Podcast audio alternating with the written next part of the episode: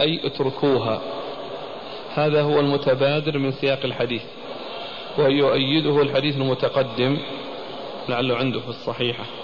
رقم 22 بلفظ اركبوا هذه الدواب سالمة. لفظ ما اركبوا؟ لا بس العبارة. ها؟ كتابته فيها دعوها اتعوها. هذه الأخيرة. دعوها. إيش تقرأ ما فهمت المهم دعوها أو كذا سالمة. أو اتركوها سالمة. في الصحيحة الجزء الأول صفحة 63 رقم 23 هذا إذا صحت الرواية بكيلوها. يعني بالكسر. إن كان فيه رواية بالكسر وإلا كلها يعني واضحة يعني فإذا كانت الرواية بكلوها الأصل هو كلها كلها صالحة أو اركبوها صالحة. طبعا الصالحة يعني اللي هي يعني سليمة يعني كونها يعني أهلا لتركب وأهلا لتؤكل لا أن يعني يساء إليها ويعني لا تعلف فتكون هزيلة يعني لحمها لا يكون طيب وكذلك الركوب عليها لا يكون مريحا لها. بل يكون في مشقة عليها كونها يعني لا ينفق عليها ثم تركب فيجمع لها بين مصيبتين مصيبة الضعف الذي حصل لها وعدم الأكل إطعامها الذي يكون سببا في قوتها ونشاطها. الأخ يقول المعنى له وجه لحق ظهره ببطنه. نعم. بس يعني معلوم إن الظهر يعني ثابت. الظهر ثابت. وإنما الذي يكون يعني يصير فيه ضمور ويصير يعني فيه يعني امتلاء هو البطن. يقول أنه لشدة الحمل عليه والركوب مع الجوع فيكون الضغط على ظهره. يمكن أيضا يعني يكون الظهر يعني يحصل به انخفاض. لكن الغالب إنه من ناحية من ناحية عدم الأكل هو من ناحية البطن كونه يعني يضمر فيعني يرتفع إلى ظهره أو يمتلي فينزل. إيدعوها. هكذا لفظة إيدعوها. الحديث اللي في الصحيحة اركبوا هذه الدواب سالمة. وإيدعوها سالمة. أي اتركوها. الشيخ يفسر أركبوها سالمة. أي أركبوا هذه الدواب سالمة. ويدعوها. ايدعوها سالمة. يعني اتركوها. بس دعوها يعني يعني هل فيه يعني يعني رواية في يدعوها كذا؟ إيه. في السلسلة الصحيحة. يعني دعوها. يعني هو أقول إذا كان في لغة ايدعوا ايدعوا اي نعم هكذا. إيه. لأنه دعوا هذه الواضحة لكن إذا كان إنه يعني في إذا صحت الرواية عن الرسول صلى الله عليه وسلم فيكون لغة لا شك يعني هو أفصح الناس عليه الصلاة والسلام. وإن كان بعض أهل العلم يقول أن أن أن الكلام الذي يوافق الرسول صلى الله عليه وسلم يعني لا يقطع بأن هذا كلامه لأن تدخله الرواية في المعنى. وإذا دخلت الرواية في المعنى يعني ما صار يعني يجزم بأنه كلام الرسول صلى الله عليه وسلم. نعم. قال حدثنا موسى بن إسماعيل قال حدثنا مهدي قال حدثنا ابن أبي يعقوب عن الحسن بن سعد مولى الحسن بن علي عن عبد الله بن جعفر رضي الله عنهما أنه قال أردفني رسول الله صلى الله عليه وآله وسلم خلفه ذات يوم فأسر إلي حديثا لا أحدث به أحدا من الناس. وكان أحب ما استتر به رسول الله صلى الله عليه وآله وسلم لحاجته هدفا أو حائش نخل. قال فدخل حائطا لرجل من الأنصار فإذا جمل فلما رأى النبي صلى الله عليه وآله وسلم حن وذرفت عيناه فأتاه النبي صلى الله عليه وآله وسلم فمسح ذفراه فسكت فقال من رب هذا الجمل؟ لمن هذا الجمل؟ فجاء فتى من الأنصار فقال لي يا رسول الله فقال أفلا تتق الله في هذه البهيمة التي ملكك الله إياها؟ فإنه شكا إلي أنك تجيعه وتدئبه. ثم ورد أبو داود حديث عبد الله بن جعفر رضي الله تعالى عنهما أن النبي صلى الله عليه وسلم قال أسر إلي وسلم حديثا لا أحدث به. ومعنى ذلك أنه حديث خاص. يعني سر يعني لا ليس من قبيل التشريع ومن قبيل الأحكام الشرعية التي يجب بيانها للناس وهو من جنس السر الذي كان آه يعني حصل مع أنس بن مالك رضي الله عنه حيث قال لأمه إن النبي أرسلني في حاجة فقالت وما حاجته؟ قال إنها سر قالت قال إنها سر قالت لا تفشي سر رسول الله صلى الله عليه وسلم. يعني هذا من هذا القبيل. لا يعني يقال إنه من قبيل التشريع أو من قبيل الأحكام الشرعية أو من قبيل الأشياء التي يحتاج الناس إليها وإنما هو من قبيل شيء خاص لا علاقة له بالتشريع كالذي حصل لأنس بن مالك في الحديث الذي أشرت إليه. وقال في أوله أردفني رسول أردفني يعني على على دابة وهذا فيه الأرداف على الدابة إذا كانت مطيقة. يعني جواز الأرداف على الدابة. إذا كانت مطيقة. نعم. وكان أحب ما استتر به رسول الله صلى الله عليه وسلم لحاجته هدفا أو حائش نخل. يعني آه، يعني عندما يقضي حاجته يستتر بشيء. يعني يحول يعني يسترها عن الأنظار. وهدفا أي شيء شاخصا.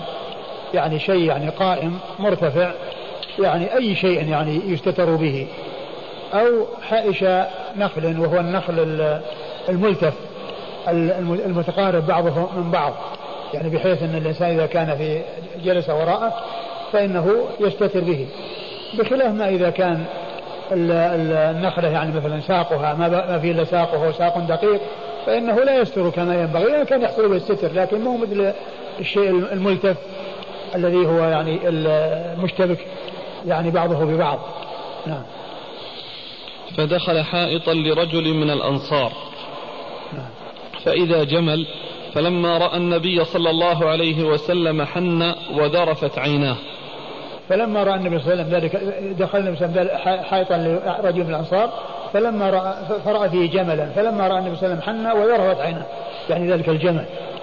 فالنبي صلى الله عليه وسلم سأل عن صاحب الجمل. قال من رب هذا الجمل؟ لمن هذا الجمل؟ فجاء فتى من الأنصار وقال لي يا رسول الله. قال لا تتق الله يعني فيه فإنه شكا إلي كأنك تجيعه وتدئبه يعني معناه أنه لا يطعمه ومع ذلك يتعبه. يعني من الدأب وهو, وهو العمل عليه باستمرار. يعني تعب ومن غير غذاء. يعني لا يغذيه ويتعبه في العمل والكد ف يعني الرسول الرسول صلى الله عليه وسلم أرشد إلى الإحسان إلى إلى يعني هذه البهيمة وأن الإنسان يعني يعطيها ما تستحقه من الغذاء ومن الطعام وكذلك أيضا لا يكلفها يعني ما لا تطيق وإنما يستعملها في شيء تكون له مطيقة. وفيه يعني فإنه قال شكا إلي. نعم فإنه شكا إلي. شكا إلي وهذا يعني فيه وهذا من من من دلائل نبوة الرسول صلى الله عليه وسلم كون الجمل شكا إليه والرسول صلى الله عليه وسلم آه، يعني آه، سمع منه هذه الشكوى وفهم منه هذه الشكوى. نعم.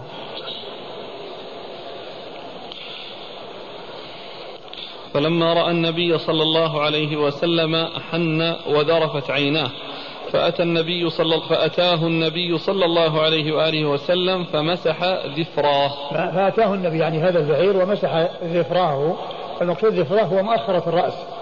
مؤخر رأس ذفراه يعني آه، لفظ مفرد الذي هو يعني على صيغة التأنيث يعني مثل ذكرى ومثل آه، يعني مثل هذه الألفاظ ذفراه يعني مفرد وليس مثنى بحيث يقال ذفريه وإنما هو ذفراه.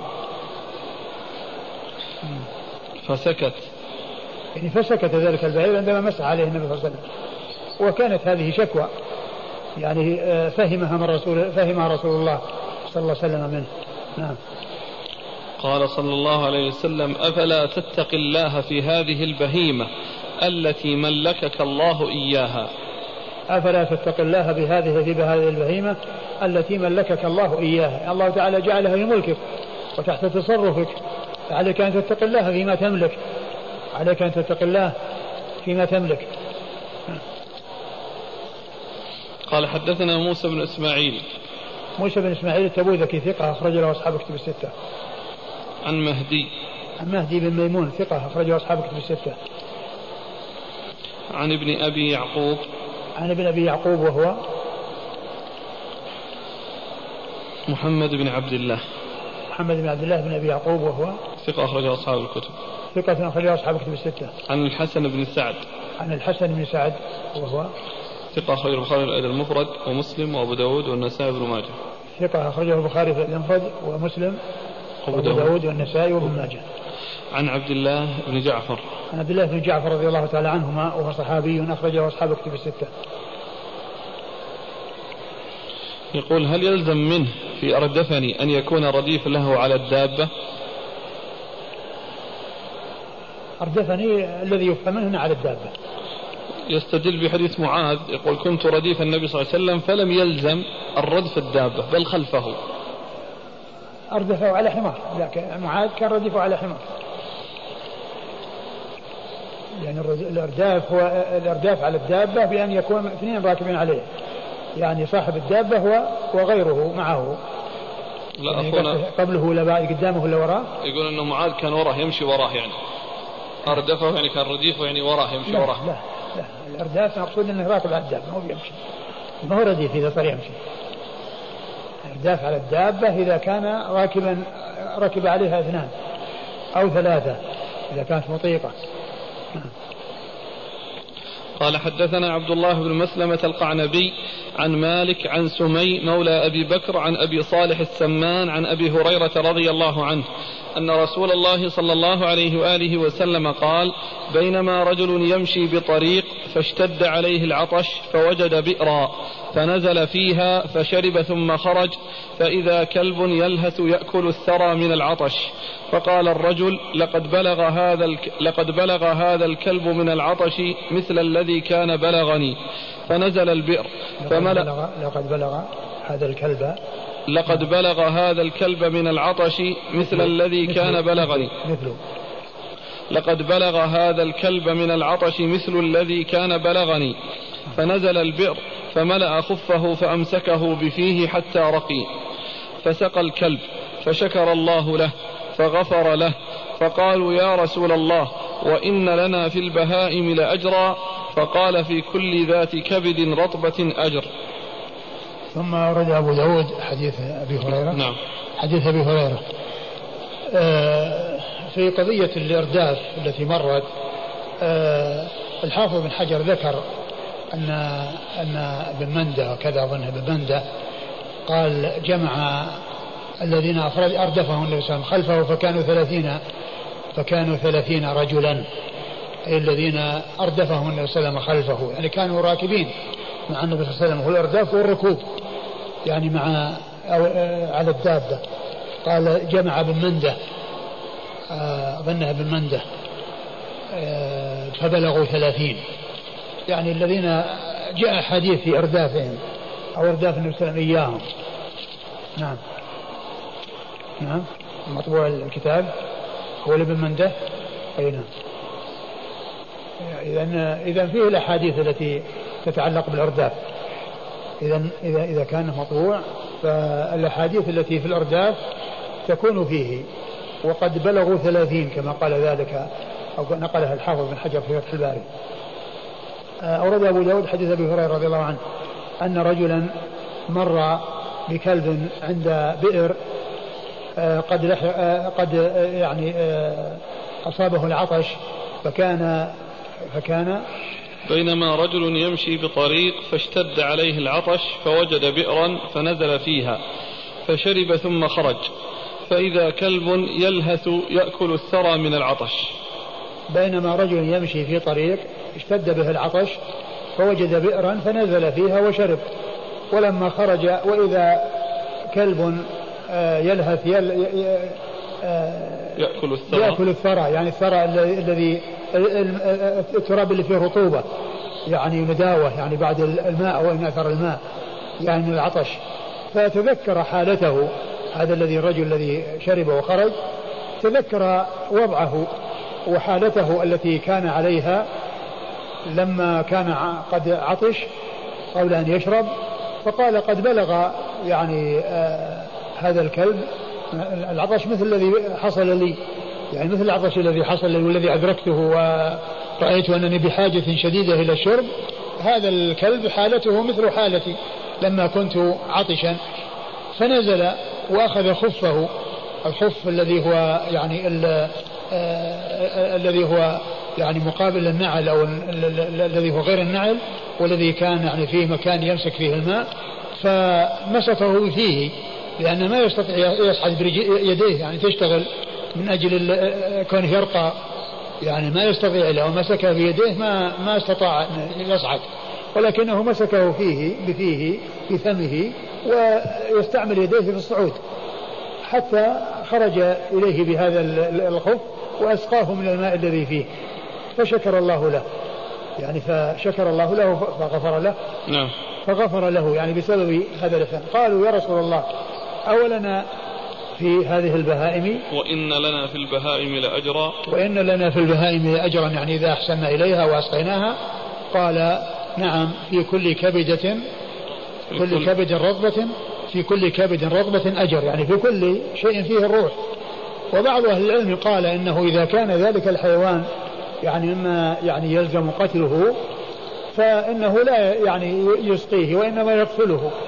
إذا كان مأمورا بقتله. ومنهم من قال إنه يسقيه أولا ثم يقتله بعد ذلك. ثم يقتله بعد ذلك يعني حيث يكون مأذونا بقتله. نعم. الأخيرة هذه. آخر جملة الفائدة. يقول يعني بعض أهل العلم أن أن هذا الذي أمر بالإحسان إليه وبإسقائه إذا كان يعني لا يؤمر بقتله وغير مأذون بقتله أما إذا كان مأذونا ذلك الحيوان مأذونا بقتله فإن له أن يقتله ولا يسقيه. ومنهم من قال بل يسقيه ويقتله.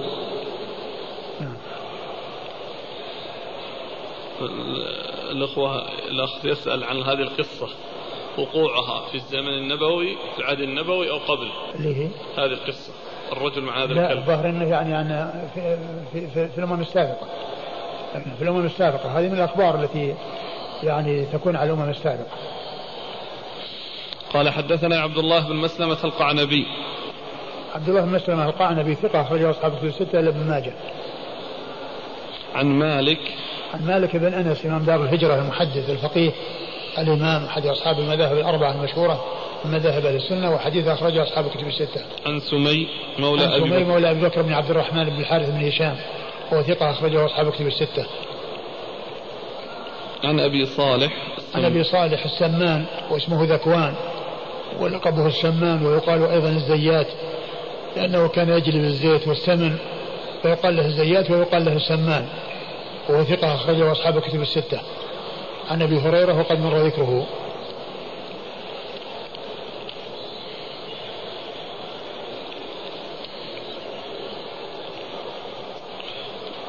قوله في كل ذات كبد رطبة أجر.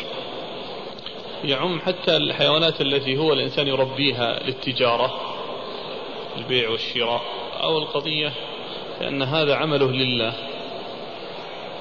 طبعا إذا كان إذا كان مسؤولا عنها يلزمه يلزمه الإحسان إليها. يعني مثل ما مر مر بنا في يعني الترجمة نفسها بعد ما يؤمر به. من القيام على البهائم يعني بالإحسان إليها ودفع الأذى عنها. يقول ما دام أنه يعني هو المسؤول عنها فيلزمه ذلك.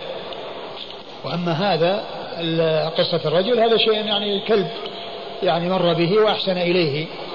فالشيء الذي ينميه للتجارة نعم يلزمه يحسن إليه يطعمه ويسقيه. لكن هذا الفضل يشمله؟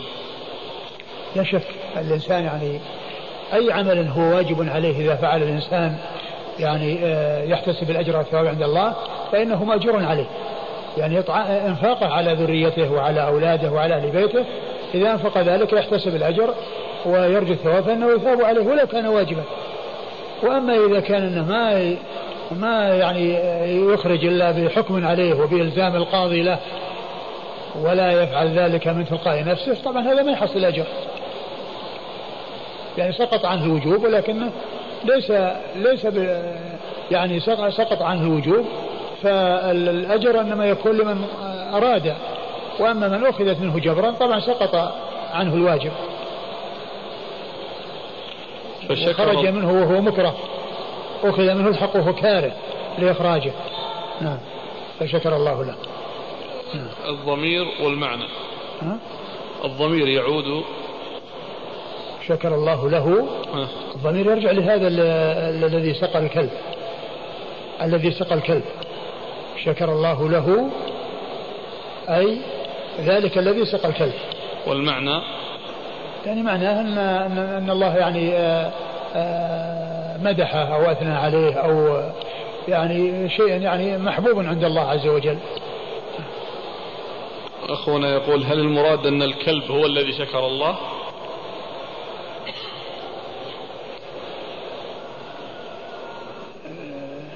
يعني شكر الله له.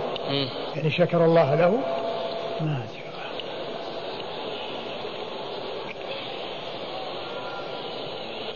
لكن كلمة. نعم. نعم مشكور لكن يعني كما هو معلوم الشكر يكون من الله ومن, ومن الناس. أو الله تعالى شكور. من أسماء الشكور.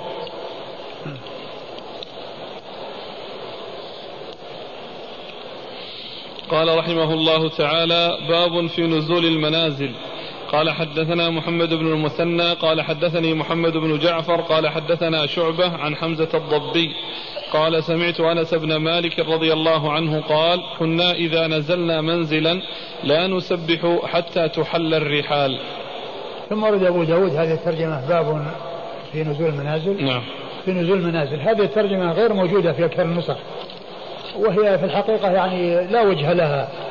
بل الحديث هو تابع للباب الذي قبله لأن كله في الإحسان إلى البهائم وعدم الإساءة إليها. وأما كون نزول المنازل يعني فهذا إيش ال إيش ال إيش الفائدة اللي تحصل من وراءه؟ الناس المسافرين ينزلون المنازل ولا بد لكل مسافر أن ينزل. ولا بد لكل مسافر أن ينزل. فما فيه يعني فائدة يعني قضية نزول المنازل؟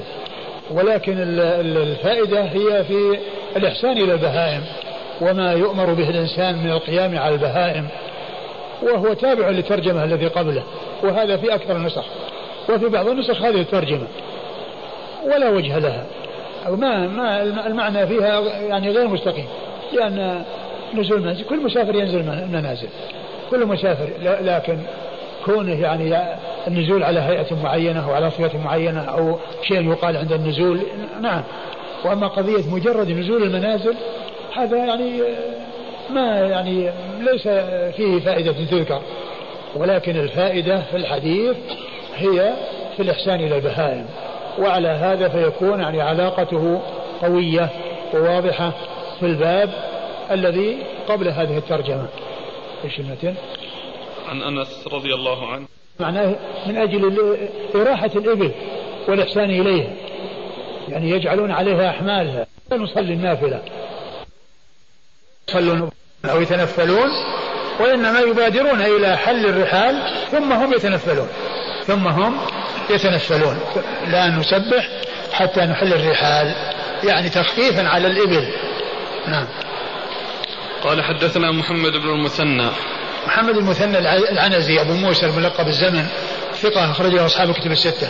عن محمد بن جعفر. محمد بن جعفر الملقب غندر ثقة أخرجه أصحاب الكتب الستة. عن شعبة.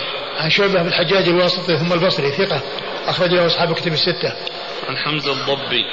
عن حمزة الضبي وهو صدوق غير مسلم وابو داود والنسائي صدوق أخرجه مسلم وأبو داود والنسائي عن أنس بن مالك. عن أنس بن مالك رضي الله عنه صاحب رسول الله. صلى الله عليه وسلم وأحد السبعه المعروفين بكثرة الحديث عن النبي صلى الله عليه وسلم. قال رحمه الله تعالى باب في تقليد الخيل بالأوتار قال حدثنا عبد الله بن مسلمة القعنبي عن مالك عن عبد الله بن أبي بكر بن محمد بن عمرو بن حزم عن عباد بن تميم أن أبا بشير الأنصاري رضي الله عنه أخبره أنه كان مع رسول الله صلى الله عليه وآله وسلم في بعض أسفاره فأرسل رسول, فأرسل رسول الله صلى الله عليه وآله وسلم رسولا. قال عبد الله بن أبي بكر حسبت أنه قال والناس في مبيتهم. لا يبقين في رقبة بعير قلادة من وتر ولا قلادة إلا قطعت. قال مالك أرى أن ذلك من أجل العين. ثم ورد أبو داود باب تقليد. الخيل بالأوتار. باب تقليد الخيل بالأوتار. الأوتار يعني جمع وتر وهو ال ال وهي خيوط يعني من جلد يعني تكون في للقسي. وقيل في وقد أورد أبو داود يعني هذا الحديث عن عن أبي بشير الأنصاري. عن أبي بشير الأنصاري رضي الله عنه أن النبي صلى الله عليه وسلم قال لا يبقين. قال لا. نعم. لا يبقين في رقبة بعيد قلادة من وتر ولا قلادة إلا قطعت. لا يبقين في رقبة بعير قلادة, قلادة من وتر. من وتر أو قلادة. ولا قلادة. ولا قلادة يعني مطلقة من غير يعني وتر إلا قطعت. قال أبو داود قال مالك. قال مالك أرى أن ذلك من أجل العين. يعني أنهم كانوا يفعلون ذلك من أجل العين أو دفع العين. يعني دفع العين يعني كونهم يضعون عليها قلادة من وتر أو قلادة من أجل العين. وقيل إن أن النهي عن ذلك يعني لما فيه أيضا من كونه يشق عليها ويكون سببا في اختناقها عند الجري والركض. وقيل إنه قد يكون ذلك أيضا سببا في كونه ينشب في الشجر. يعني تلك القلائد تنشب في الشجر فتكون سببا في هلاكها أو سببا في حبسها فترة من فترة من الزمان دون أن ترعى ودون أن تستفيد. يعني فعلل يعني هذا المنع. بهذه العلل وبهذه الأسباب. وإذا كان هذا التعليق يترتب عليه مثل هذه القصود السيئة فهذا واضح أنه لا يجوز. ولكن العلماء ذكروا هذه التعليلات لهذا العمل الذي هو النهي عن التقليد وقطع القلائد لئلا يكون ذلك سببا في آه، هذه الأمور. نعم. فيصير النهي عام. يشمل هذا كله يصير. لا القلادة. إيه أيا كان. نعم نعم أيا كانت نعم. وأيضا كان إذا كان المقصود السبب يعني من أجل العلم قد يكون أيضا حتى نفس حتى يكون القلادة ولو كانت ليست من وتر يمكن أن يراد بها هذا القصد السيء. قال حدثنا عبد الله بن مسلمة القعنبي.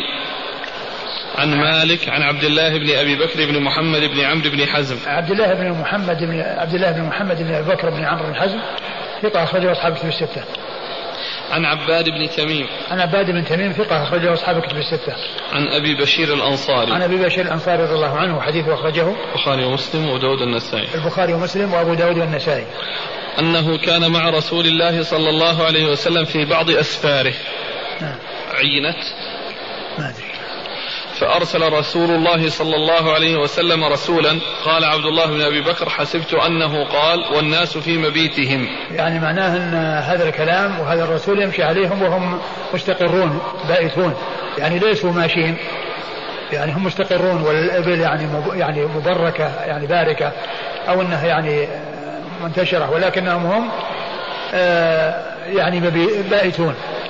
يعني في منزل من المنازل. ليسوا وهم يمشون.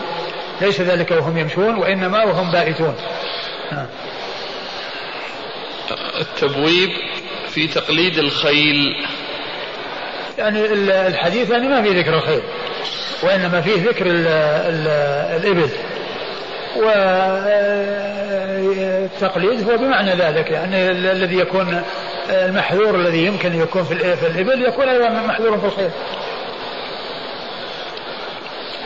هل يدخل في ذلك ما يوضع في المراية القدامية للسائق من بعض ال... نعم الذي يضع شيء عن العين يقصد دفع العين لا شك إنه يدخل. يعني يكون يضع شيء معلق يعني عنده من داخل يعني أو شيء يعني يريد إنه يعني يجعل الإنسان الذي يعني العائن بس ينظر إليه ويكون يعني انشغاله بهذا عن عن عن المركوب. مثل ذلك لا شك انه سيء لا يجوز. هذا من جنسه.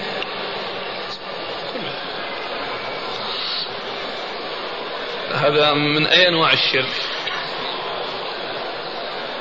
والله يعني كما هو معلوم يعني هذا إذا كان الإنسان يعني يعتقد أن هذا يعني أنه ينفع ويضر وأن آه، النفع والضر انه منه هذا هذا من الشرك الأكبر. وأما إذا كان إنه يعني يعني ما يعني يريد النفع. ما يريد النفع من منه وإنما هو من الله عز وجل فهذا لا شك إنه من يعني هذا من الشرك الأصغر. قال رحمه الله تعالى باب إكرام الخيل وارتباطها والمسح على أكفالها. قال حدثنا هارون بن عبد الله قال حدثنا هشام بن سعيد الطالقاني قال أخبرنا محمد بن المهاجر قال حدثني عقيل بن شبيب عن أبي وهب الجشمي رضي الله عنه وكانت له صحبة قال قال رسول الله صلى الله عليه وآله وسلم ارتبطوا الخيل وامسحوا بنواصيها وأعجازها أو قال أكفالها وقلدوها ولا تقلدوها الأوتار. ثم ورد أبو داود آه هذه الترجمة باب إكرام الخيل باب إكرام الخيل وارتباطها والمسح على أكفالها. باب ارتباط الخيل وإكرامها والمسح على أكفالها. آه ارتباط الخيل يعني آه كونها تربط ويعني تعد وتهيأ لاستعمالها في الغزو استعمالها للجهاد في سبيل الله كل إنسان يدخرها ويكرمها. ويعتني بها حتى إذا جاءت الحاجة إليها وإذا هي تحت يعني تصرفه يتمكن من الجهاد عليها وإكرامها بالإحسان إليها ويعني تغذيتها ويعني عدم إيصال الأذى إليها والمسح على أكفالها المسح على أكفالها يعني على كلها أعمار فرها يعني يمكن أن يكون المقصود من ذلك يعني تأنيسها وكذلك أيضا يعني إما لإزالة الغبار أو التراب عنها أو الوسخ عنها أو غير ذلك من من الأسباب التي يعني يمكن أن تكون يعني مرادة وأن يكون يعني مقصودة لهذا الفعل الذي أرشد إليه النبي صلى الله عليه وسلم. آه، أورد أبو داود حديث أبي وهب الجشمي رضي الله عنه قال قال صلى الله عليه وسلم ارتبطوا الخيل. قال ارتبطوا الخيل يعني اربطوها واتخاذ يعني اتخاذها ويعني تنشئتها والمحافظة عليها وتهيئتها للغزو عليها و وامسحوا بنواصيها وأعجازها. وامسحوا بنواصيها. نواصيها مقدمة الرأس الناصية وقد جاء عن النبي صلى الله عليه وسلم في الحديث الذي جاء عن كثير من الصحابة الخيل معقود في نواصيها. الخير إلى يوم القيامة الأجر والمغنم وأعجازها الذي هو مؤخرها الذي هو كفلها. نعم. قال أو قال أكفالها وقلدوها ولا تقلدوها الأوتار. قال وقلدوها. وقلدوها يعني يجعل لها قلادة. ولا تقلد الأوتار التي يعني هي التي كانوا في الجاهلية يعني يتخذونها. كانوا يفعلون يعني تقليدها بأوتار القسي من أجل يعني قيل للاحتمالات التي يمكن أن أن تكون التي أشرت إليها فيما مضى. فهذا فيه إشارة إلى التقليد وأنه يسوغ تقليدها وأنه يسوغ تقليدها. ومعلوم أن القلادة إذا كانت المقصود بها يعني يعني شيء يعني من اللي هو خطام أو يعني شيء لجام أو شيء يمسك الفرس هذا ما فيه إشكال لأنه يعني وحتى البعير كذلك. والرسول صلى الله عليه وسلم كان يعني يعني يركب البعير وهو مخطوم يعني وكان يشده يشده يعني وكان إذا أرخى إذا وجد إذا كان وجد زحام يعني مسك الخطام وإذا كان هذا أرخى لها. الخطام يعني حتى تمشي. فالخطام يعني لا بأس به. وأما القلادة التي تكون يعني لغرض يعني سيء فهذه لا يجوز. وأما إذا كانت لغرض محمود يعني كون الإنسان يعني يمسكها فهذا لا بأس به. وقلدوها ولا تقلدوها الأوتار. نعم. وش بعده؟ انتهى؟ انتهى. طيب الإسناد؟ ما في تعارض؟ إلا في تعارض. أن هذاك الأول يقول ولا قلادة وهنا قال يعني قلدوها يعني فالحديث في إسناده عقيل عقيل بن بن شبيب وهو والإسناد كله مر يعني في حديثين قد مضيا. ويعني وضعف الحديث ضعف ضعف الحديثان أو الحديث الواحد الذي جاء من طريقين بعقيل بن شبيب وأنه مجهول وهنا جاء في هذا الإسناد. لكن الألباني صحح الحديث أو حسنه. يعني في صحيح سنن أبي داود فلا أدري يعني هل على ذلك الشواهد وإلا فإن الإسناد هو نفس الإسناد الذي ضعف الحديث السابق الذي مر بنا يعني في أول الدرس. آه يقول الاخ وضع سلاسل أو حبال للزينة لتجميل الإبل في أعناقها عاده منتشره عندنا في البلد فهل هذا يدخل في النهي؟ يعني إذا كان إن إنها توضع في رقبتها فهي مثل مثل هي قلاده قالها سواء كانت من حديد ولا من ولا من صوف ولا من أي شيء. لكن التقليد يعني جاء يعني في الرسول كان يقلد الهدي. يعني في مر بنا في الحج تقليد الهدي و وانه وأن عائشة كانت تفتل قلائد هدي رسول الله صلى الله عليه وسلم يعني وكذلك الإشعار هذا ليعرف أنه هدي ليعرف أنه هدي إذا كان لغرض صحيح وليس لغرض سيء ولا محذور فيه فإنه لا بأس به. لا هذه الأحاديث جاءت في يعني فضل العناية في الخيل وذكرها الإمام أبو داود في الكتاب الجهاد. نعم. هل هذا يدل على أن الأمور سترجع إلى تلك الحال؟ لا شك هي سترجع. أقول سترجع. الرسول صلى الله عليه وسلم أخبر بأن الناس يعني أولا الحديث هذا الخير معقود في نواصيها الخير إلى يوم القيامة. إلى يوم القيامة. ثم أيضا الحديث الأحاديث التي وردت يعني في آخر الزمان أنهم يكون على الخيول وأنهم يغزون على الخيول. يعني هذا ورد في أحاديث في آخر الزمان. في الصحيحين وفي غيرهما. فهذا يدل على بقاء الخيل وعلى الاستفادة منها في ذلك الوقت أو في تلك الأزمان. ولا ندري هل هذه الوسائل الموجودة ستستمر وتبقى أو أنها تنتهي. والعلم عند الله عز وجل. يعني هل تبقى أو تنتهي؟ معلوم أن هذه الوسائل يعني هي على هذا الوقود وعلى هذا النفط الذي يعني الله جعله سببا في تحريكها وفي الاستفادة منها. لكن لو يعني آه هذه المادة يعني آه, آه، ما وجدت كان هذا الحديد يقف في أماكنه ما يستفاد منه. فهذا الذي أخبره الرسول صلى الله عليه وسلم لا بد وأن يقع. أما هذا الموجود هل سيبقى أو لا يبقى؟ الله تعالى أعلم. لكن غالبا أنهم يعني ما يصيرون إلى استعمال مثل هذه الوسائل مع وجود ما هو يعني أنكى منها أو ما هو أشد منها. فيحتمل أن ذلك ينتهي وأن الناس يعودون إلى تلك الوسائل التي أخبر الرسول صلى الله عليه وسلم. يعني الجيش الذي أخبر أنه قال آه، في زمن الدجال قال إني أعرف فيأتي عشرة. أني أعرف أسماءهم وأسماء آبائهم وألوان خيولهم. وألوان خيولهم. وأن الدجال خلفكم في أهليكم. المرة الأولى يصير كذب وفي المرة الثانية يصير صدق. حديث وردت في هذا. نعم. آه يقول هل الخلاف في المسائل الحادثة من بعض الفرق التي تنتسب إلى السنة وتخالفهم في أصول في الأصول كالخروج على الحكام ومسألة الديمقراطية وغيرها؟ هل هذه المخالفة لا يوجب خروج هذه الطوائف عن منهج أهل السنة؟ آه كما هو معلوم آه الخروج خروجهم عن منهج أهل السنة في هذه الناحية لا شك هذا أمر مؤكد لا إشكال فيه. ولكن هل يكونون يعني ليسوا من أهل السنة أصلا بسبب هذا أو أنهم يعني عندهم آه، يعني هذا الأصل ولكنهم أخطأوا في هذه الناحية أو في هذه الجزئية المعينة. وهذا لا شك أنه هو من من جملة عقائد أهل السنة يعني تحريم الخروج على الولاة وإنجاره هذا موجود في في عقائد أهل السنة والجماعة. حتى حتى ال ال المؤلفات الصغيرة المختصرة يعني فيها هذا الشيء. يقول الطحاوي ولا نرى الخروج على الخروج على أئمتنا وولاة أمورنا وإنجاره.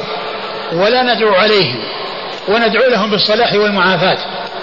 يعني فمنهج أهل السنة والجماعة أنهم لا يخرجون على الحكام بل ويدعون لهم ولا يدعون عليهم. وأما أهل البدع فإنهم يدعون عليهم ولا يدعون لهم. يدعون عليهم ولا يدعون لهم. وغالبا أن الذين يعني يخرجون يعني يريدون أن يحلوا محلهم ويريدون أن يحصلوا هذا الذي حصل لغيرهم. فيكون الدافع لهم على ذلك إنما هو حب الرئاسة وحب الولاية وحب الدنيا. ما حكم إنشاء جماعة إسلامية ينصب لها رئيس وأمراء في كل منطقة؟ وما حكم الانتماء إلى هذه الجماعات؟ هذه آه، تنصيب يعني إذا كان ما بيبذلهم سلطة يعني يكون من العبث. اللهم إلا أن يكون المقصود أنهم يعني يكونوا مرجع. للمسلمين في آه، البلاد التي آه، يحكمها كفار والأقليات الإسلامية التي تكون يعني يحتاجون إلى مرجع يرجعون إليه.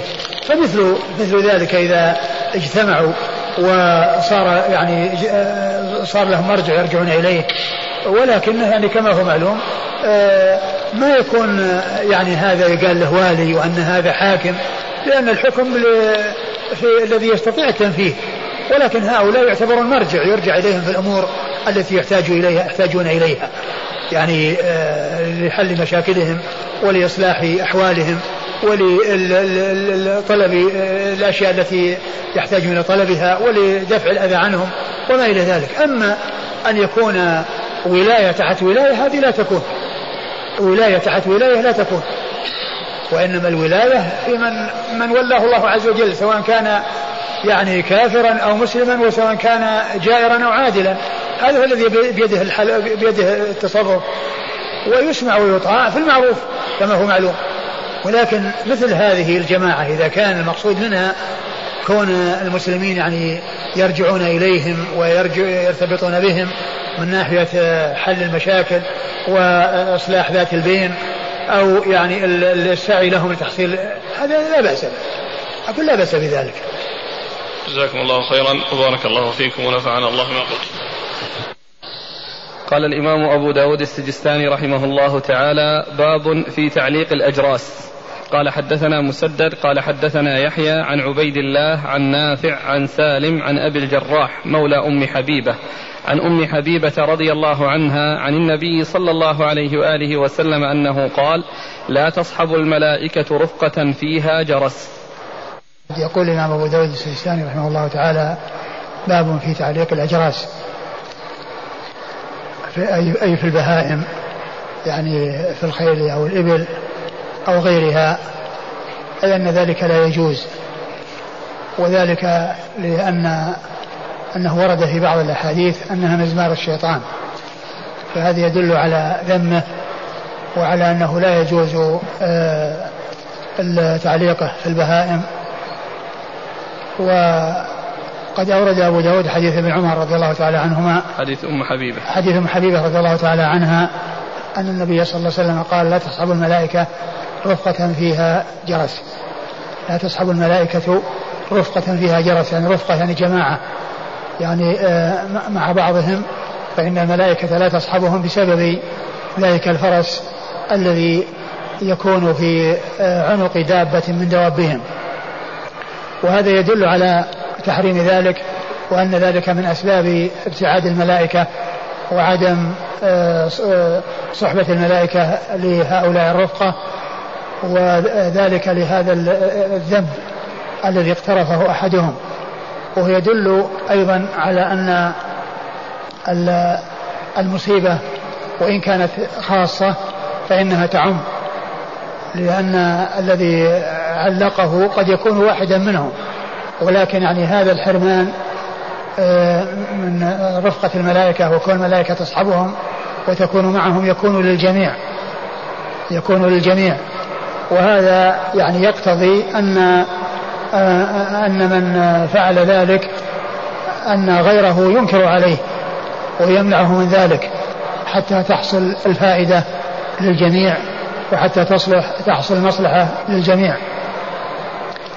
آه، يقول الرسول الكريم صلى الله عليه وسلم لا تصحب الملائكة رفقة فيهم آه، فيهم جرس.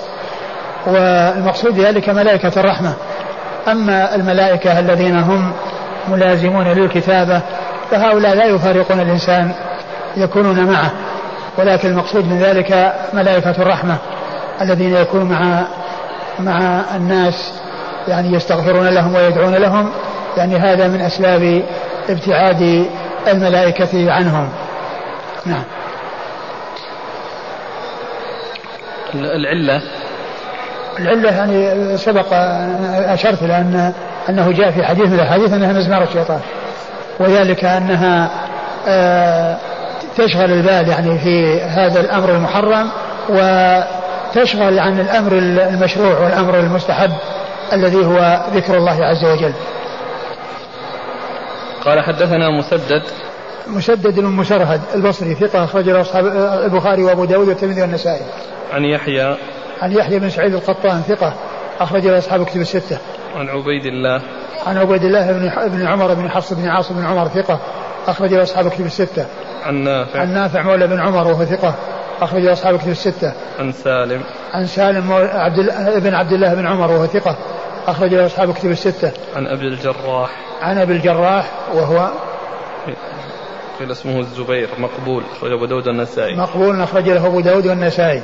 عن أم حبيبة. عن أم حبيبة رضي الله تعالى عنها أم المؤمنين وحديثها أخرجه أصحاب كتب الستة والحديث الذي بعده شاهد له. الذي بعده شاهد له وفيه زيادة الكلب. وفيه زيادة الكلب. يعني المعنى الموجود يعني في هذا الحديث موجود في الحديث الذي بعده وفيه زيادة الكلب فهو شاهد له.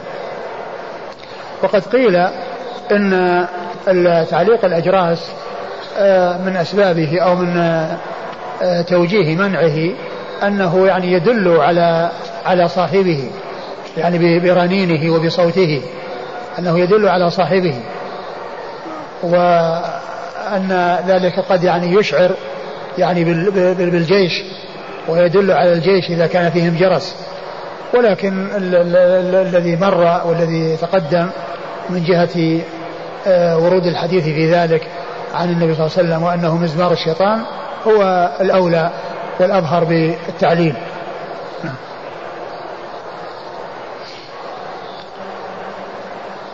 قال حدثنا أحمد بن يونس قال حدثنا زهير قال حدثنا سهيل بن أبي صالح عن أبيه عن أبي هريرة رضي الله عنه أنه قال قال رسول الله صلى الله عليه وآله وسلم لا تصحب الملائكة رفقة فيها كلب أو جرس. ثم ورد أبو داود حديث أبي هريرة. وهو مثل الذي قبله إلا أن فيه زيادة الكلب. وأن الملائكة لا تصحب رفقة فيها كلب أو جرس. والكلب آه، هو المقصود به الممنوع منه. الذي هو ممنوع منه وأما إذا كان مأذونا فيه فإن ذلك لا يمنع. إذا كان مأذونا فيه فإن ذلك لا يمنع. وأما إذا كان غير مأذون فيه فهذا هو المحذور. وقد وقد مر وقد جاء في الحديث الصحيح عن النبي صلى الله عليه وسلم أن من اقتنى كلبا إلا يعني كلب ماشية أو صيد أو زرع نقص من أجره كل يوم قيراط. نقص من أجره كل يوم قيراط. فهذا فيه دليل على يعني عقوبة من يقتني الكلب وهو لغير حاجة فإن الملائكة تبتعد عنه وأيضا آه، كما جاء في الحديث الآخر أنه ينقص من أجره كل يوم قيراط. نعم. قال حدثنا أحمد بن يونس. أحمد بن يونس المصري آه، أحمد بن يونس البصري هو ثقة. أحمد. أحمد بن يونس أحمد بن عبد الله بن يونس الكوفي ولا البصري؟ الكوفي الكوفي أخرج له أصحاب كتب الستة عن زهير عن زهير بن معاوية ثقة أخرج له أصحاب كتب الستة. عن عن سهيل بن أبي صالح. عن سهيل بن أبي صالح وهو صدوق أخرج له أصحاب الكتب الستة وإخراج البخاري له مقرون أخرج له أصحاب الكتب الستة. عن أبيه عن أبيه أبو صالح وهو ذكوان السمان ثقة أخرج له أصحاب الكتب الستة. عن أبي هريرة عن أبي هريرة عبد الرحمن بن صخر الدوسي صاحب رسول الله صلى الله عليه وسلم وأكثر أصحابه حديثا على الإطلاق رضي الله عنه وأرضاه. قال حدثنا محمد بن رافع قال حدثنا أبو بكر بن أويس. نعم. أبو بكر بن أويس إيه. وهو أويس. ابن أبي. أبو بكر بن أويس هنا إيه. هو أبو بكر بن أبي أويس. أبو بكر بن أبي أويس أيوه. قال أبو بكر بن أبي أويس. حدثنا أبو بكر بن أبي أويس قال حدثني سليمان بن بلال عن العلاء بن عبد الرحمن عن أبيه عن أبي هريرة رضي الله عنه أن النبي صلى الله عليه وآله وسلم قال في الجرس مزمار الشيطان. ثم ورد أبو داود حديث أبي هريرة وأن النبي صلى الله عليه وسلم قال في الجرس يعني في شأنه وفي أمره إنه مزمار الشيطان. وهذا هو التعليل لمنعه وتحريم آه، تعليقه بالبهائم. نعم. قال حدثنا محمد بن رافع. محمد بن رافع النيسابوري القشيري ثقة أخرجه أصحاب الكتب الستة إلا ابن ماجه. عن أبي بكر بن أبي أويس. عن أبي بكر بن أبي أويس وهو عبد الحميد بن عبد الله الأصبحي. وهو عبد الحميد بن عبد الله الأصبحي وهو ثقة أخرج أصحاب الكتب إلا ابن ماجه. ثقة أخرج أصحاب الكتب الستة إلا ابن ماجه. عن سليمان بن بلال. عن سليمان بن بلال وهو ثقة أخرج أصحاب الكتب الستة. عن العلاء بن عبد الرحمن. عن العلاء بن عبد الرحمن بن يعقوب الحرقي وهو صدوق أخرج له البخاري في صدوق ربما وهم صدوق ربما وهم أخرج له البخاري جزء القراءة جزء القراءة ومسلم وأصحاب السنن عن أبي هريرة عن أبيه وهو ثقة أخرج له أصحاب أخرج له البخاري في جزء القراءة ومسلم وأصحاب السنن. عن أبي هريرة. عن أبي هريرة وقد مر ذكره. كثرة الأسئلة في فيما عمت به البلوى.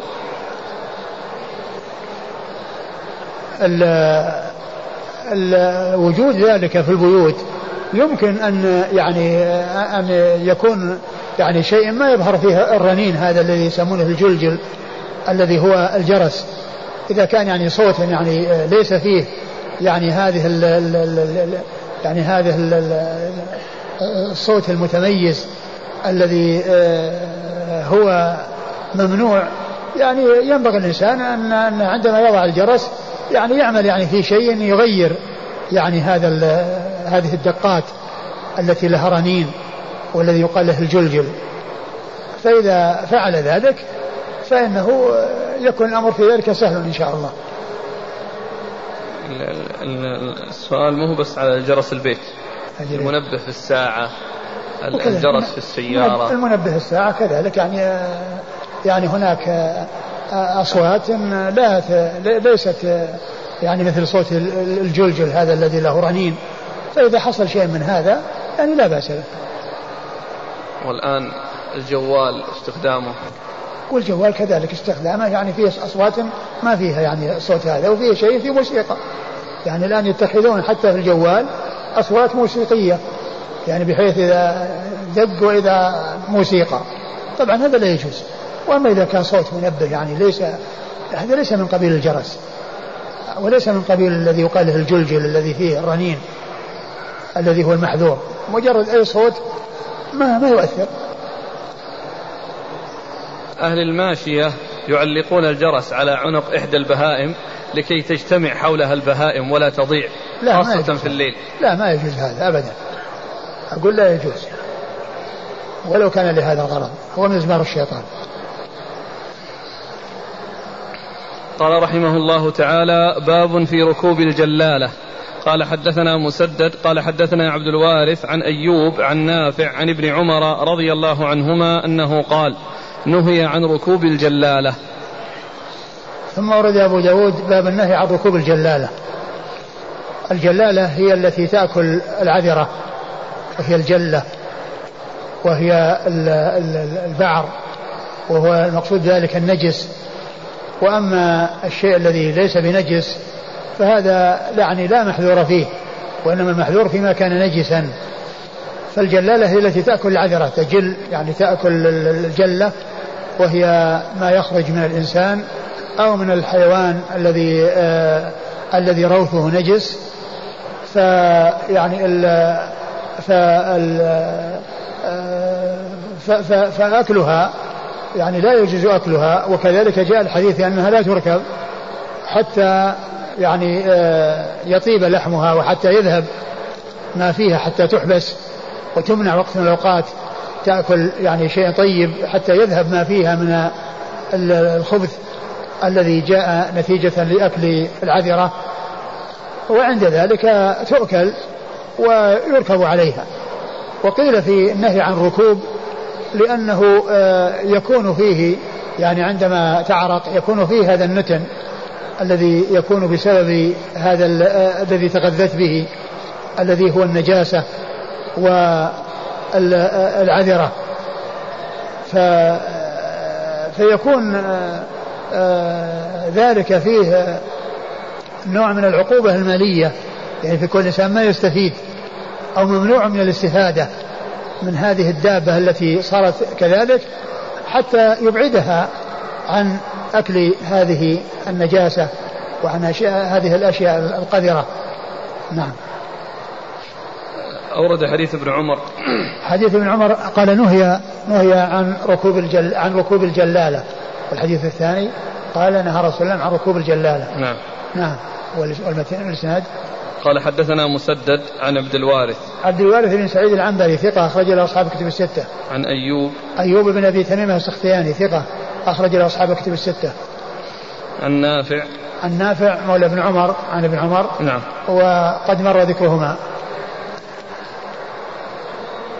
مر نعم. لا النهي عن الركوب مع أن النتن في اللحم. إيه لأنه إذا عرق إذا حصل عرق يعني يمس الراكب. هل هناك فترة معينة تحبس؟ والله ما ما في فترة معينة، فترة يعني يطمئن يطمئن فيها إلى أن اللحم قد طاب وأن النجاسة قد ذهبت. قال حدثنا أحمد بن أبي سريج الرازي قال أخبرني عبد الله بن الجهم قال حدثنا عمرو يعني بن أبي قيس عن أيوب السختياني عن نافع عن ابن عمر رضي الله عنهما أنه قال نهى رسول الله صلى الله عليه وآله وسلم عن الجلالة في الإبل أن يركب عليها. هنا يعني مثل الذي قبله. نهى عن الجلالة في الإبل أن يركب عليها. نعم. والإسناد قال حدثنا أحمد بن أبي سريج الرازي. أحمد بن أبي سريج الرازي هو ثقة أخرج البخاري وأبو داود والنسائي. ثقة أخرج البخاري وأبو داود والنسائي. عن عبد الله بن الجهم. عن عبد الله بن الجهم وهو صدوق أخرج أبو داود. صدوق أخرجه أبو داود. عن عمرو بن أبي قيس. عن عمرو بن أبي قيس وهو ثقة أخرج له, له أوهام. وهو صدوق له أوهام أخرج له. البخاري تعليقا وأصحاب السنن. البخاري تعليقا وأصحاب السنن. عن أيوب السختياني عن نافع عن ابن عمر. وقد مر ذكر الثلاثة. حليبها لبنها حليبها مجلس أقول مجلس لحمها إذا كان الركوب يعني يمنع في الحليب من باب أولى. أخونا يقول ما حكم ركوب الحمار؟ علما بأنه يأكل العذرة.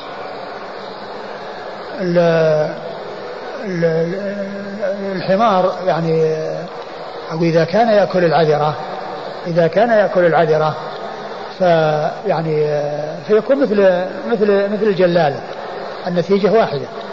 النتيجة واحدة إلا أن الحمار يعني كما هو معلوم يعني الذي لا يأكل العذرة لأن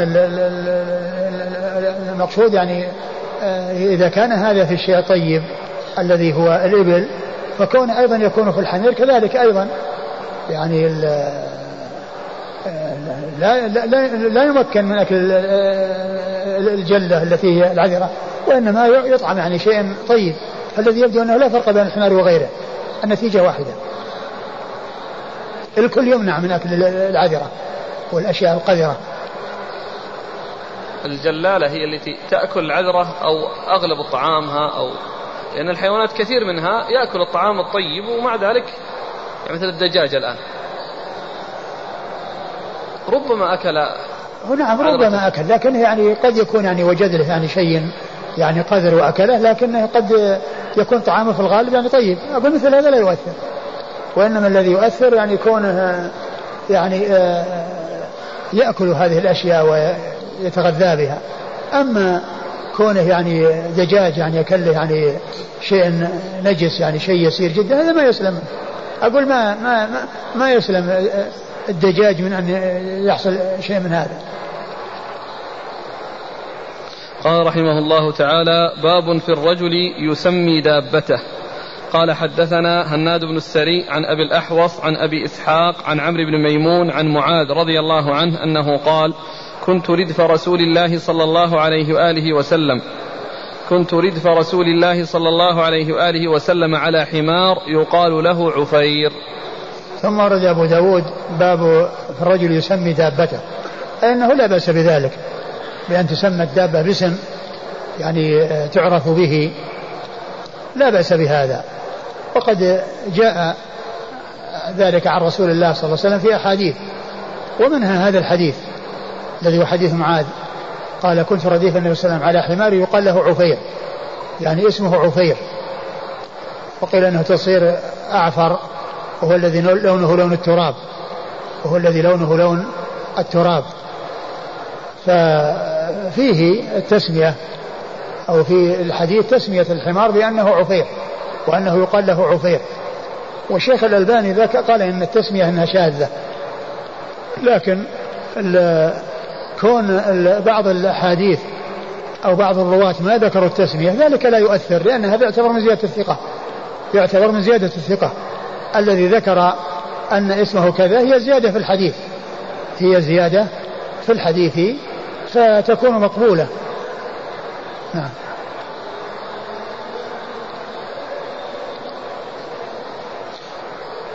هذه قصته الذي سأله. أتدري ما حق الله على العباد؟ إيه نعم هو نفس الحديث. أتدري ما حق الله على العباد وما حق العباد على الله؟ إلى آخر الحديث هو هو هذا. قال حدثنا هناد بن السري. هناد بن السري أبو السري ثقة أخرجه البخاري في خلق أفعال العباد ومسلم وأصحاب السنن. عن أبي الأحوص. عن أبي الأحوص سلام بن سليم الحنفي ثقة أخرج له أصحاب الكتب الستة. عن أبي إسحاق. عن أبي إسحاق وهو عمرو بن عبد الله الهمداني السبيعي ثقة أخرج له أصحاب الكتب الستة. عن عمرو بن ميمون. عن عمرو بن ميمون وهو ثقة أخرج له أصحاب الكتب الستة. عن معاذ. عن معاذ بن جبل رضي الله عنه صاحب رسول الله صلى الله عليه وسلم وحديثه أخرجه أصحاب الكتب الستة. قال رحمه الله تعالى باب في النداء عند النفير. يا خيل الله اركبي. قال حدثنا محمد بن داود بن سفيان. قال حدثني يحيى بن حسان. قال أخبرنا سليمان بن موسى أبو داود. قال حدثنا جعفر بن سعد بن سمرة بن جندب. قال حدثني خبيب بن سليمان عن أبيه سليمان بن سمرة عن سمرة بن جندب رضي الله عنه. أما بعد فإن النبي صلى الله عليه وآله وسلم سمى خيلنا خيل الله. إذا فزعنا. وكان رسول الله صلى الله عليه وآله وسلم يأمرنا إذا فزعنا بالجماعة والصبر والسكينة وإذا قاتلنا. ثم ورد أبو داود باب في النداء عند النفير. يا خيل الله اركبي. باب في النداء عند النفير. يا خيل الله اركبي. النداء عند النفير يعني عند الفزع وعند إرادة الأقدام. يعني فينادى يا خيل الله آه، اركبي. وقيل المراد بالخيل هم آه، آه، الفرسان لأن الخيل تأتي ويراد بها الأفراس وتأتي ويراد بها الفرسان. ومن ذلك قول الله عز وجل وأجلب عليهم بخيلك ورجلك.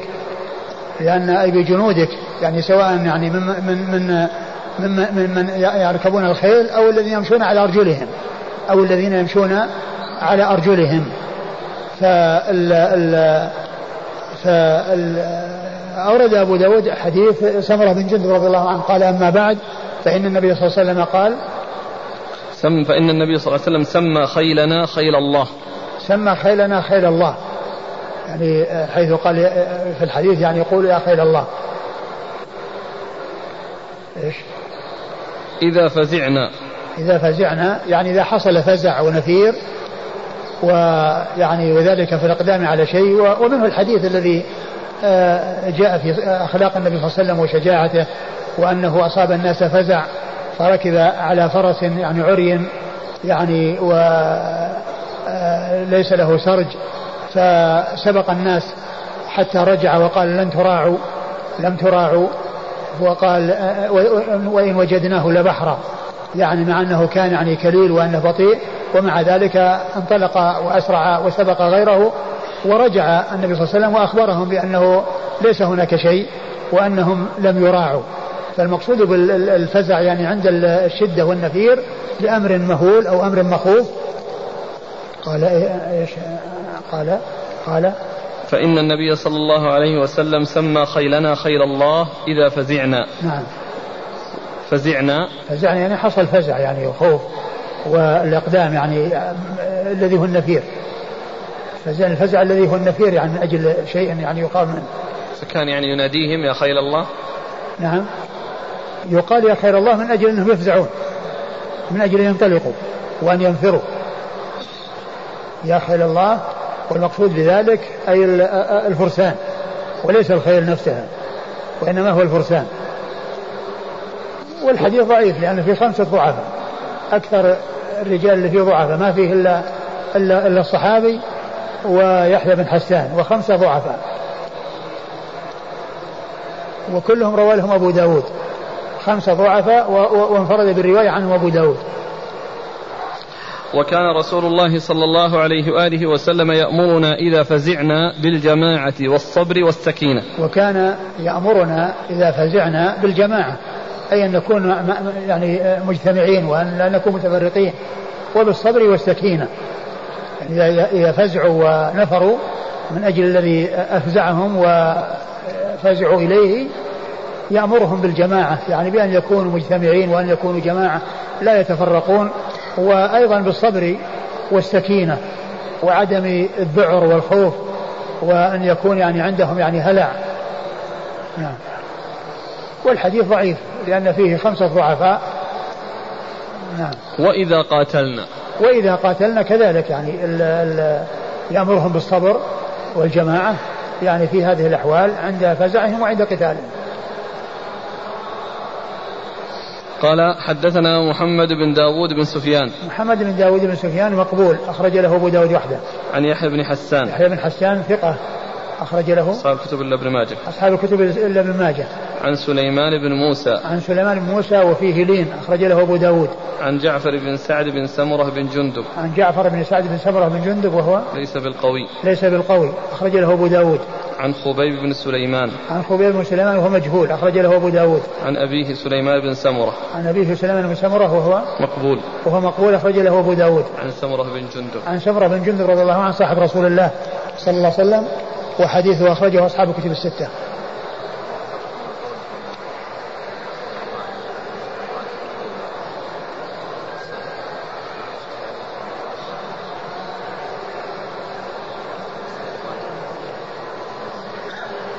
نعم يشكل عليه لكنه الخطاب يعني كما هو معلوم هو للفرسان.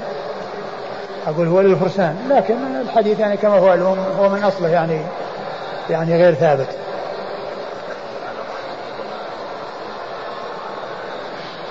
إيه لأنه موجود في المتن. موجود في الحديث يا خير الله اركب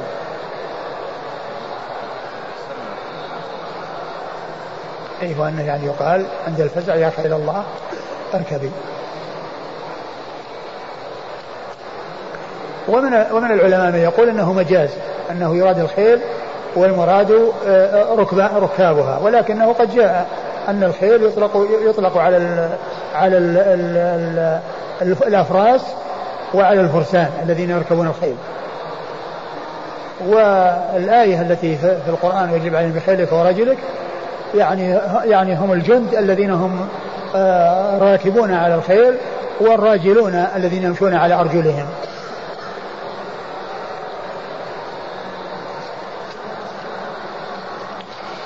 قال رحمه الله تعالى باب النهي عن لعن البهيمة.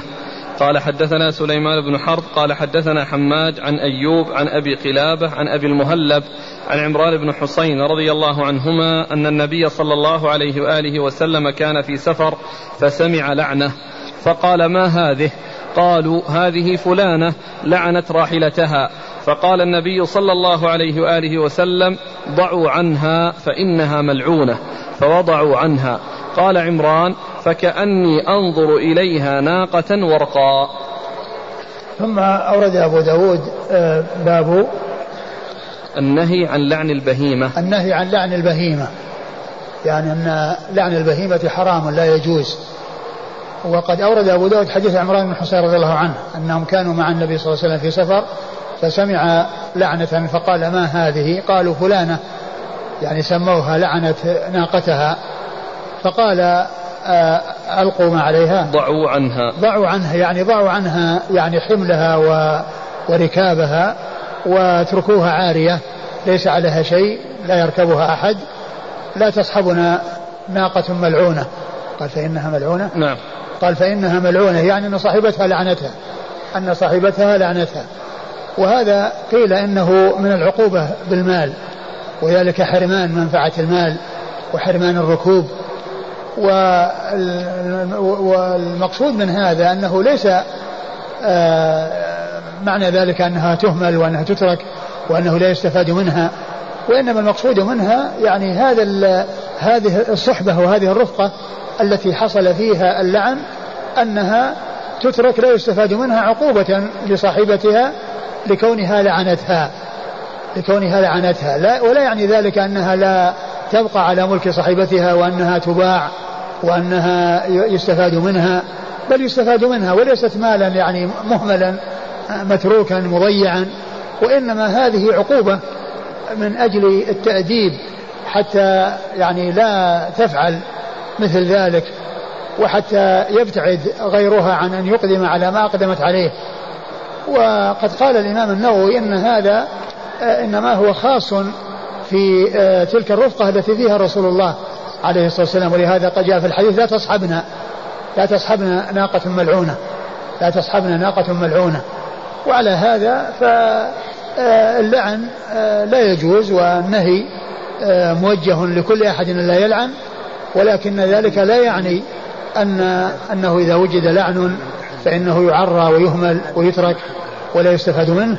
وإنما ذلك كما قال النووي إن هذا خاص بتلك الناقة التي لعنت مع رسول الله صلى الله عليه وسلم وأن أن الرسول صلى الله عليه وسلم قال لا تصحبنا ناقة ملعونة فكأني أنظر إليها ناقة ورقاء يعني أنها يعني فيها غبرة يعني مثل لون الحمامة التي يقال لها ورقة يعني التي فيها غبرة. نعم. قال حدثنا سليمان بن حرب سليمان بن حرب ثقة أخرج له أصحاب الكتب الستة. عن حماد عن حماد هو بن زيد ثقة أخرج له أصحاب الكتب الستة. عن أيوب عن أبي قلابة. أيوب هو ابن أبي تميم السختياني مر ذكره أبو قلابة هو عبد الله بن زيد الجرمي وهو ثقة أخرج له أصحاب الكتب الستة. عن أبي المهلب. عن أبي المهلب وهو الجرمي عم أبي قلابة وهو ثقة أخرج له البخاري في المفرد ومسلم وأصحاب السنن البخاري في الأدب المفرد ومسلم وأصحاب السنن عن عمران بن حسين أبو نجيد رضي الله عنه وأرضاه وحديثه أخرجه أصحاب كتب الستة.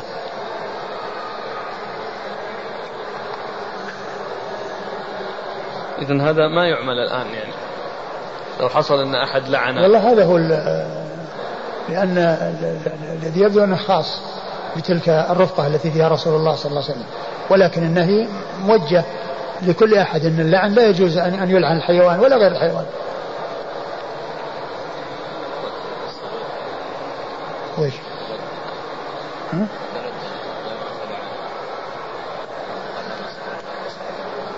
في قصة أخرى؟ على كل إذا صحت فهي يصير مثلها. يعني حكم نعم. قال رحمه الله تعالى باب في التحريش بين البهائم.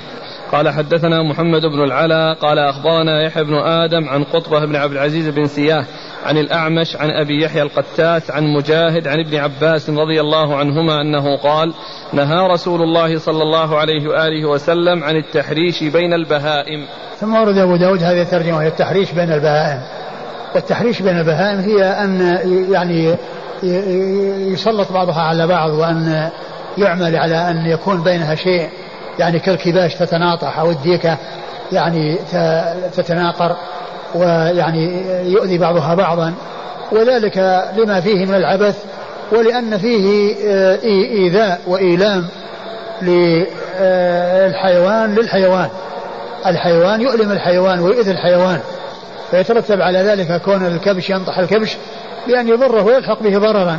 والديك يعني كونه يعني آه، آه، ينقر ديكا آخر فيفقع عينه أو يعني يلحق به ضررا مع أنه عبث. فالعبث فالعلة يعني كونه في عبث وأيضا ما يترتب عليه من إلحاق الضرر من الحيوان بالحيوان بسبب هذا التحريش. والحديث ضعيف ولكن وإن كان يعني آه، هو ضعيف لأن المعنى صحيح. أنه يعني لا يصلح أنه يعني آه، يتسبب في كون الحيوان يؤذي بعضها بعضا وأن آه، يعني يلهى بها. ويعني كون الإنسان يعني يستمتع يعني بالنظر إليها وهي يؤذي بعضها بعضا ذلك لا يجوز. نعم.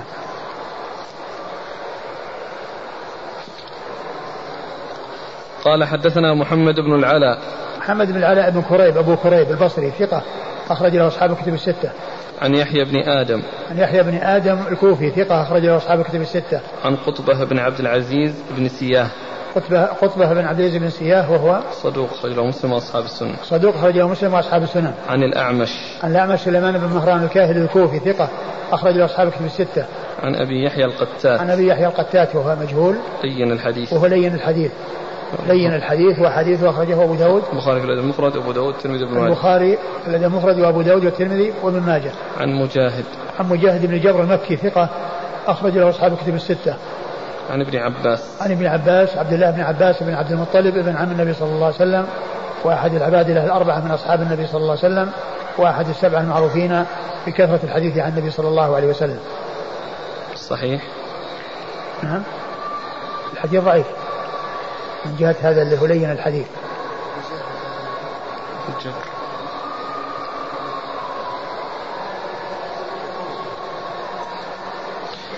قال رحمه الله تعالى باب في وسم الدواب قال حدثنا حفص بن عمر قال حدثنا شعبة عن هشام بن زيد عن أنس بن مالك رضي الله عنه أنه قال أتيت النبي صلى الله عليه وآله وسلم بأخ لي حين ولد ليحنكه فإذا هو في مربد يسم غنما أحسبه قال في آذانها.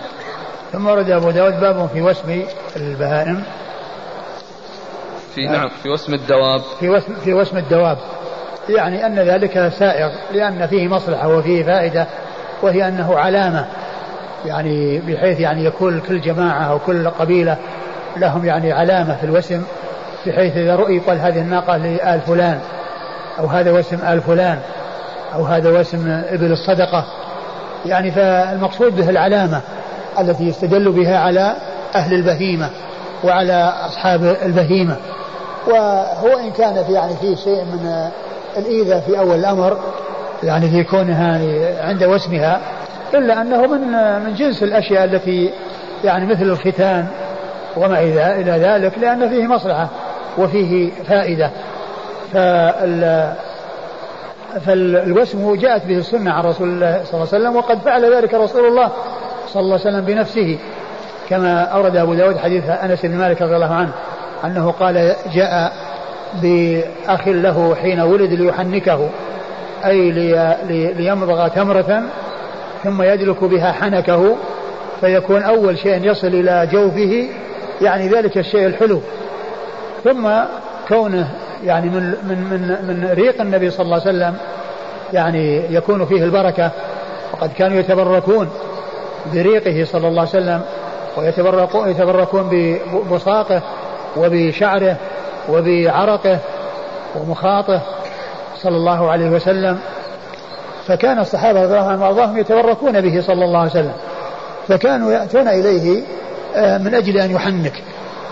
وبعد رسول الله صلى الله عليه وسلم لا لا يذهب إلى أحد ليحنك لأن الرسول صلى الله عليه وسلم آه، آه، ريقه يعني فيه بركة وكانوا يتبركون ولم يكن أصحاب رسول الله صلى الله عليه وسلم بعده يذهبون إلى أبي بكر أو إلى عمر أو إلى عثمان أو إلى علي ليحنكوا أطفالهم. وإنما كان واحد يحنك ابنه والمرأة تحلك ابنها دون أن يعني يحتاج إلى أن يذهب إلى أحد. وقد ذكر ال ال ال الشاطبي في الاعتصام يعني ذلك وأن الصحابة رضي الله عنهم وأرضاهم ما فعلوا ذلك بعد رسول الله صلى الله عليه وسلم ودل هذا على أنه من خصائصه عليه الصلاة والسلام. آه يقول أنس إنه ذهب بأخ له وهو أخوه من أمه. التي هو من أولاد أبي طلحة. و ليحنك فوجده في مربد المكان الذي يكون فيه الغنم والحظيرة الغنم التي تكون فيه. فوجده يسم يسم غنما قال حسبته في آذانها حسبته في آذانها يعني في آذان الغنم. وهذا يدل على أن آه، آه، الغنم توسم وأنها توسم بآذانها لأن لأن شعرها يغطي يغطي الوسم. يعني لو كان يعني وسم فيها وشعرها كثيف فإنه يتغطى يعني بالشعر. فالوسم بالأذن يعني يكون واضح ويكون جلي ويكون بين. وقيل وفي هذا دليل على أن الأذن ليست من الوجه ليست من الوجه لأنه جاء النهي عن الوسم بالوجه. وعن الضرب بالوجه. قالوا فهذا يدل على أنه لأنها ليست من الوجه. وقد جاء في الحديث بالنسبة للإنسان الأذنان من الرأس. الأذنان من الرأس. أي أنهما يمسحان ولا يغسلان. يعني حكمهما حكم الرأس ليس حكمهما حكم الوجه. الوجه يغسل والرأس يمسح. والأذنان من الرأس تمسحان ولا تغسلان. يفعل بهما ما يفعل بالرأس. فأضافهما إلى الرأس. لكن جاء في بعض الأحاديث إطلاق الأذن أو نسبتها إلى الوجه كما في الحديث يقول سجد, سجد وجهه لله الذي خلقه وشق سمعه وبصره. فإن السمع الذي هو الأذن الذي هو الأذن و يعني آه، آه، النبي صلى الله عليه وسلم جاء عنه النهي عن الوسم بالوجه وجاء عنه أن الوسم بالأذن فدل ذلك على أنه سائق سواء قيل أنه من الوجه ويكون مستثنى أو أنه ليس من الوجه وإنما هو من الرأس فيكون فعل النبي صلى الله عليه وسلم مبينا أن ذلك سائغ وأنه ليس من قبيل ما نهى عنه الرسول صلى الله عليه وسلم. إيش قال؟ وجدته. أتيت النبي صلى الله عليه وسلم بأخ لي حين ولد ليحنكه. فإذا هو في مربد يسم غنما. أحسبه قال في آذانها. نعم. قال حدثنا حفص بن عمر. حفص بن عمر ثقة أخرجه البخاري وأبو داود والنسائي. عن شعبة. عن شعبة بن الحجاج الواسطي ثم البصري ثقة أخرج له أصحاب الكتب الستة. عن هشام بن زيد. عن هشام بن زيد وهو ثقة أخرج أصحاب الكتب. ثقة أخرج أصحاب الكتب الستة. عن أنس بن مالك. عن أنس بن مالك رضي الله عنه صاحب رسول الله صلى الله عليه وسلم وقادمه وأحد السبع المعروفين بكثرة الحديث عن النبي صلى الله عليه وسلم. حفص بن عمر شعبة هشام بن زيد أنس. أربعة رباعي. هذا من أعلى الأسانيد عند أبي داود. هل يجوز الوسم في الإنسان كما يفعل في بعض البلدان؟ لا ما يجوز. الإنسان لا يعني يوسم. الإنسان يعني يفصح عن نفسه ما يحتاج إلى أن يعرف يعني كما تعرف البهائم بوسمها البهائم ما تفصح عن نفسها ما تعلم عن نفسها ولا تفصح هي يعني آه، كما ورد في الحديث الذي مر في الدرس الماضي اتقوا الله في هذه البهائم إيش؟ المعجمة أو إيش؟ الحديث يعني لفظه المعجمة يعني التي لا تفصح اتقوا الله في هذه البهائم المعجمة. نعم البهائم المعجمة التي لا تصح لا يجوز يعني أن يسهم الإنسان. يعني لأن الموسم من أجل العلامة. والإنسان يفصح عن نفسه. أقول يفصح عن نفسه ولا يحتاج إلى علامة. وهل يجوز قطع آذان الغنم لأجل الوسم؟ لا ما يجوز قطع. أقول القطع لا لا تقطع. لذلك يؤثر عليها. يعني فيما يتعلق بالأضاحي والهدي وإنما توسم بدون قطع.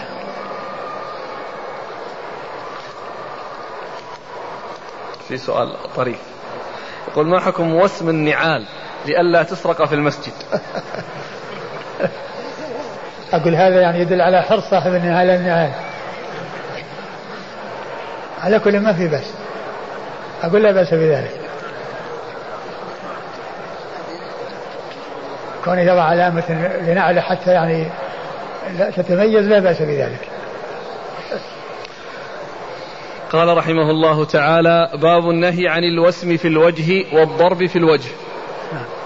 قال حدثنا محمد بن كثير قال أخبرنا سفيان عن أبي الزبير عن جابر رضي الله عنه أن النبي صلى الله عليه وآله وسلم مر عليه بحمار قد وسم في وجهه فقال أما بلغكم أني قد لعنت من وسم البهيمة في وجهها أو ضربها في وجهها فنهي عن ذلك. ثم ورد أبو داود آه، باب النهي عن الوسم في عن الوجه. الوسم والضرب في الوجه. في الوجه. يعني أنه لا يجوز أن يوسم في الوجه ولا أن يضرب الحيوان على الوجه. و والإنسان من باب أولى وقد جاء فيه النهي عن رسول الله صلى الله عليه وسلم. وذلك أن الوجه يعني آآ آآ فيه معظم الحواس والتي يعني اللي هي السمع والبصر والفم والأسنان واللسان وما إلى ذلك فيكون فيه ايذاء يعني بخلاف الجهات الأخرى أو الأماكن الأخرى التي يعني هي ليست كذلك. ف يعني فيترتب على ذلك التشويه. تشويه الخلقة أو فقد يعني حاسة من الحواس وما إلى ذلك من الأمور المحذورة التي عنيت وقصدت في النهي عن الوسم بالوجه والضرب بالوجه. قال عنهما قال رأى النبي صلى الله عليه وسلم مر عليه صلى الله عليه وسلم بحمار قد وسم في وجهه. مر على رسول الله صلى الله عليه وسلم بحمار قد وسم في وجهه. فقال أما علمتم؟ أما بلغكم أني قد لعنت من وسم البهيمة في وجهها؟ أما بلغكم أني لعنت من وسم البهيمة في وجهها. أو ضربها في وجهها أو ضربها في وجهها. يعني هذا لا يجوز وهذا لا يجوز. لا الضرب ولا الوسم. كل ذلك لا يجوز. نعم. فنهى عن ذلك. فنهى عن ذلك صلى الله عليه وسلم. يعني أنه قد سبق أن لعن و يعني قال أما بلغكم يعني أن أنه قد تقدم مني بذلك لعن ثم إنه قال فنهى عن ذلك يعني زيادة أو تأكيد لما سبق أن حصل منه صلى الله عليه وسلم. فيكون هذا تأكيد بعد تأكيد وتنبيه على قد شيء على شيء قد حصل وأن السنة إذا وجدت فعلى الناس أن يأخذوا بها. وأن من آآ آآ لم يعمل بها فإنه قد فإنه يكون مخالفا لما جاءت في السنة ويمكن أن يحمل على أنه لم يبلغه يعني ذلك فيكون معذورا. ولهذا قال أما بلغكم أني قد يعني فعلت فإذا كان الإنسان لم يبلغه ذلك فإنه يكون معذورا. وإذا بلغه النهي فلا يجوز له أن يقدم عليه بل عليه أن يحذر الوقوع في معصية الرسول صلى الله عليه وسلم. نعم. قال حدثنا محمد بن كثير. محمد بن كثير العبدي ثقة أخرجه أصحاب كتب الستة. عن سفيان. عن سفيان الثوري ثقة أخرجه أصحاب كتب الستة. عن أبي الزبير. عن أبي الزبير محمد بن مسلم بن تدرس المكي صدوق أخرجه أصحاب كتب الستة. عن جابر. عن جابر بن عبد الله رضي الله عنه صاحب رسول الله صلى الله عليه وسلم وحديثه وهو أحد السبعة المعروفين بكثرة الحديث عن النبي صلى الله عليه وسلم. عن محمد بن كثير عن سفيان عن أبي الزبير عن, عن جابر. عن جابر. وهذا رباعي. هذا رباعي من أعلى الأسانيد عند أبي داود.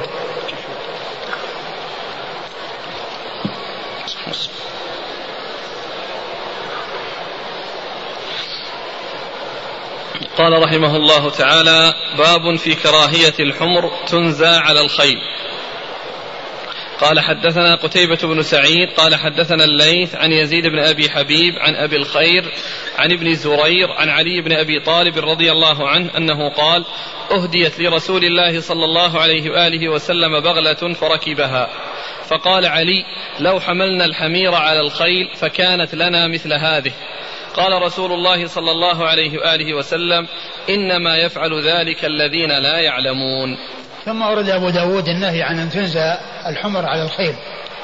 يعني فتتولد منها البغال لأن الخيل إذا نزلت نزلت على على الخيل يعني جاء جاء خيل. وإذا نزل والحمير إذا والحمير إذا نزلت على الحمير جاء حمير ولكن إذا نزل جنس على غير جنس جاء يعني شيء يعني له اسم خاص وهو البغل الذي يكون متولد من الحصان و والحمار. والنهي جاء عن الإنزاء يعني كون الناس يتعمدون يعني هذا الشيء. وذلك أن فيه آه، آه، يعني قطع للنسل المرغوب فيه. وعمل على يعني وجود نسل من جنس آخر أخف منه وأقل منه الذي هو البغل الذي لا يعني يحصل منه الكر والفر الذي يحصل من الخيل ومن الفرسان ومن الأفراس وإنما يعني يكون آه، آه، تستعمل ولكنها ما تستعمل كاستعمال الخيل. فإنزاء الخيل أو الحمر على الخيل فيولد بغل يعني متولد منهما. آه، يكون فيه عدم التوالد يعني بين الخيل أو قلة التوالد بين الخيل مع أن الخيل معقود في نواصيها الخير وهي التي يرغب فيها وفي تناسلها وفي آه، آه، استعمالها. ف فإذا وقد جاء في القرآن أن الله امتن على الناس بالخيل وبال بالبغال والخيل والبغال والحمير لتركبوها وزينة فذكر البغال. ولكن آه، كونه جاء عن النبي صلى الله عليه وسلم النهي يعني يدل على أن هذا الذي يحصل يمكن جاء بدون إنزاء. إذا حصل بدون إنزاء هذا شيء ما للناس في دخل. وإنما كون الناس يعمدون ويأتون بالفرس ويمسكونها للحمار لأن ينزوا عليها هذا هو الذي جاء فيه النهي. فإذا الذي جاء في القرآن من الامتنان بها يعني آه، نعم هي نعمة من النعم ويستفاد منها. ولكن كونها تأتي من غير قصد هو آه الذي آه يعني لا يخالف ما جاء في الحديث. وأما الحديث هو الإنزاء كون الناس يعمدون ويمسكون الخيل أو الفرس للحمار لينزوا عليها فيتولد من ذلك بغل. فإذا البغال تستعمل ويستفاد منها إذا وجدت لكنه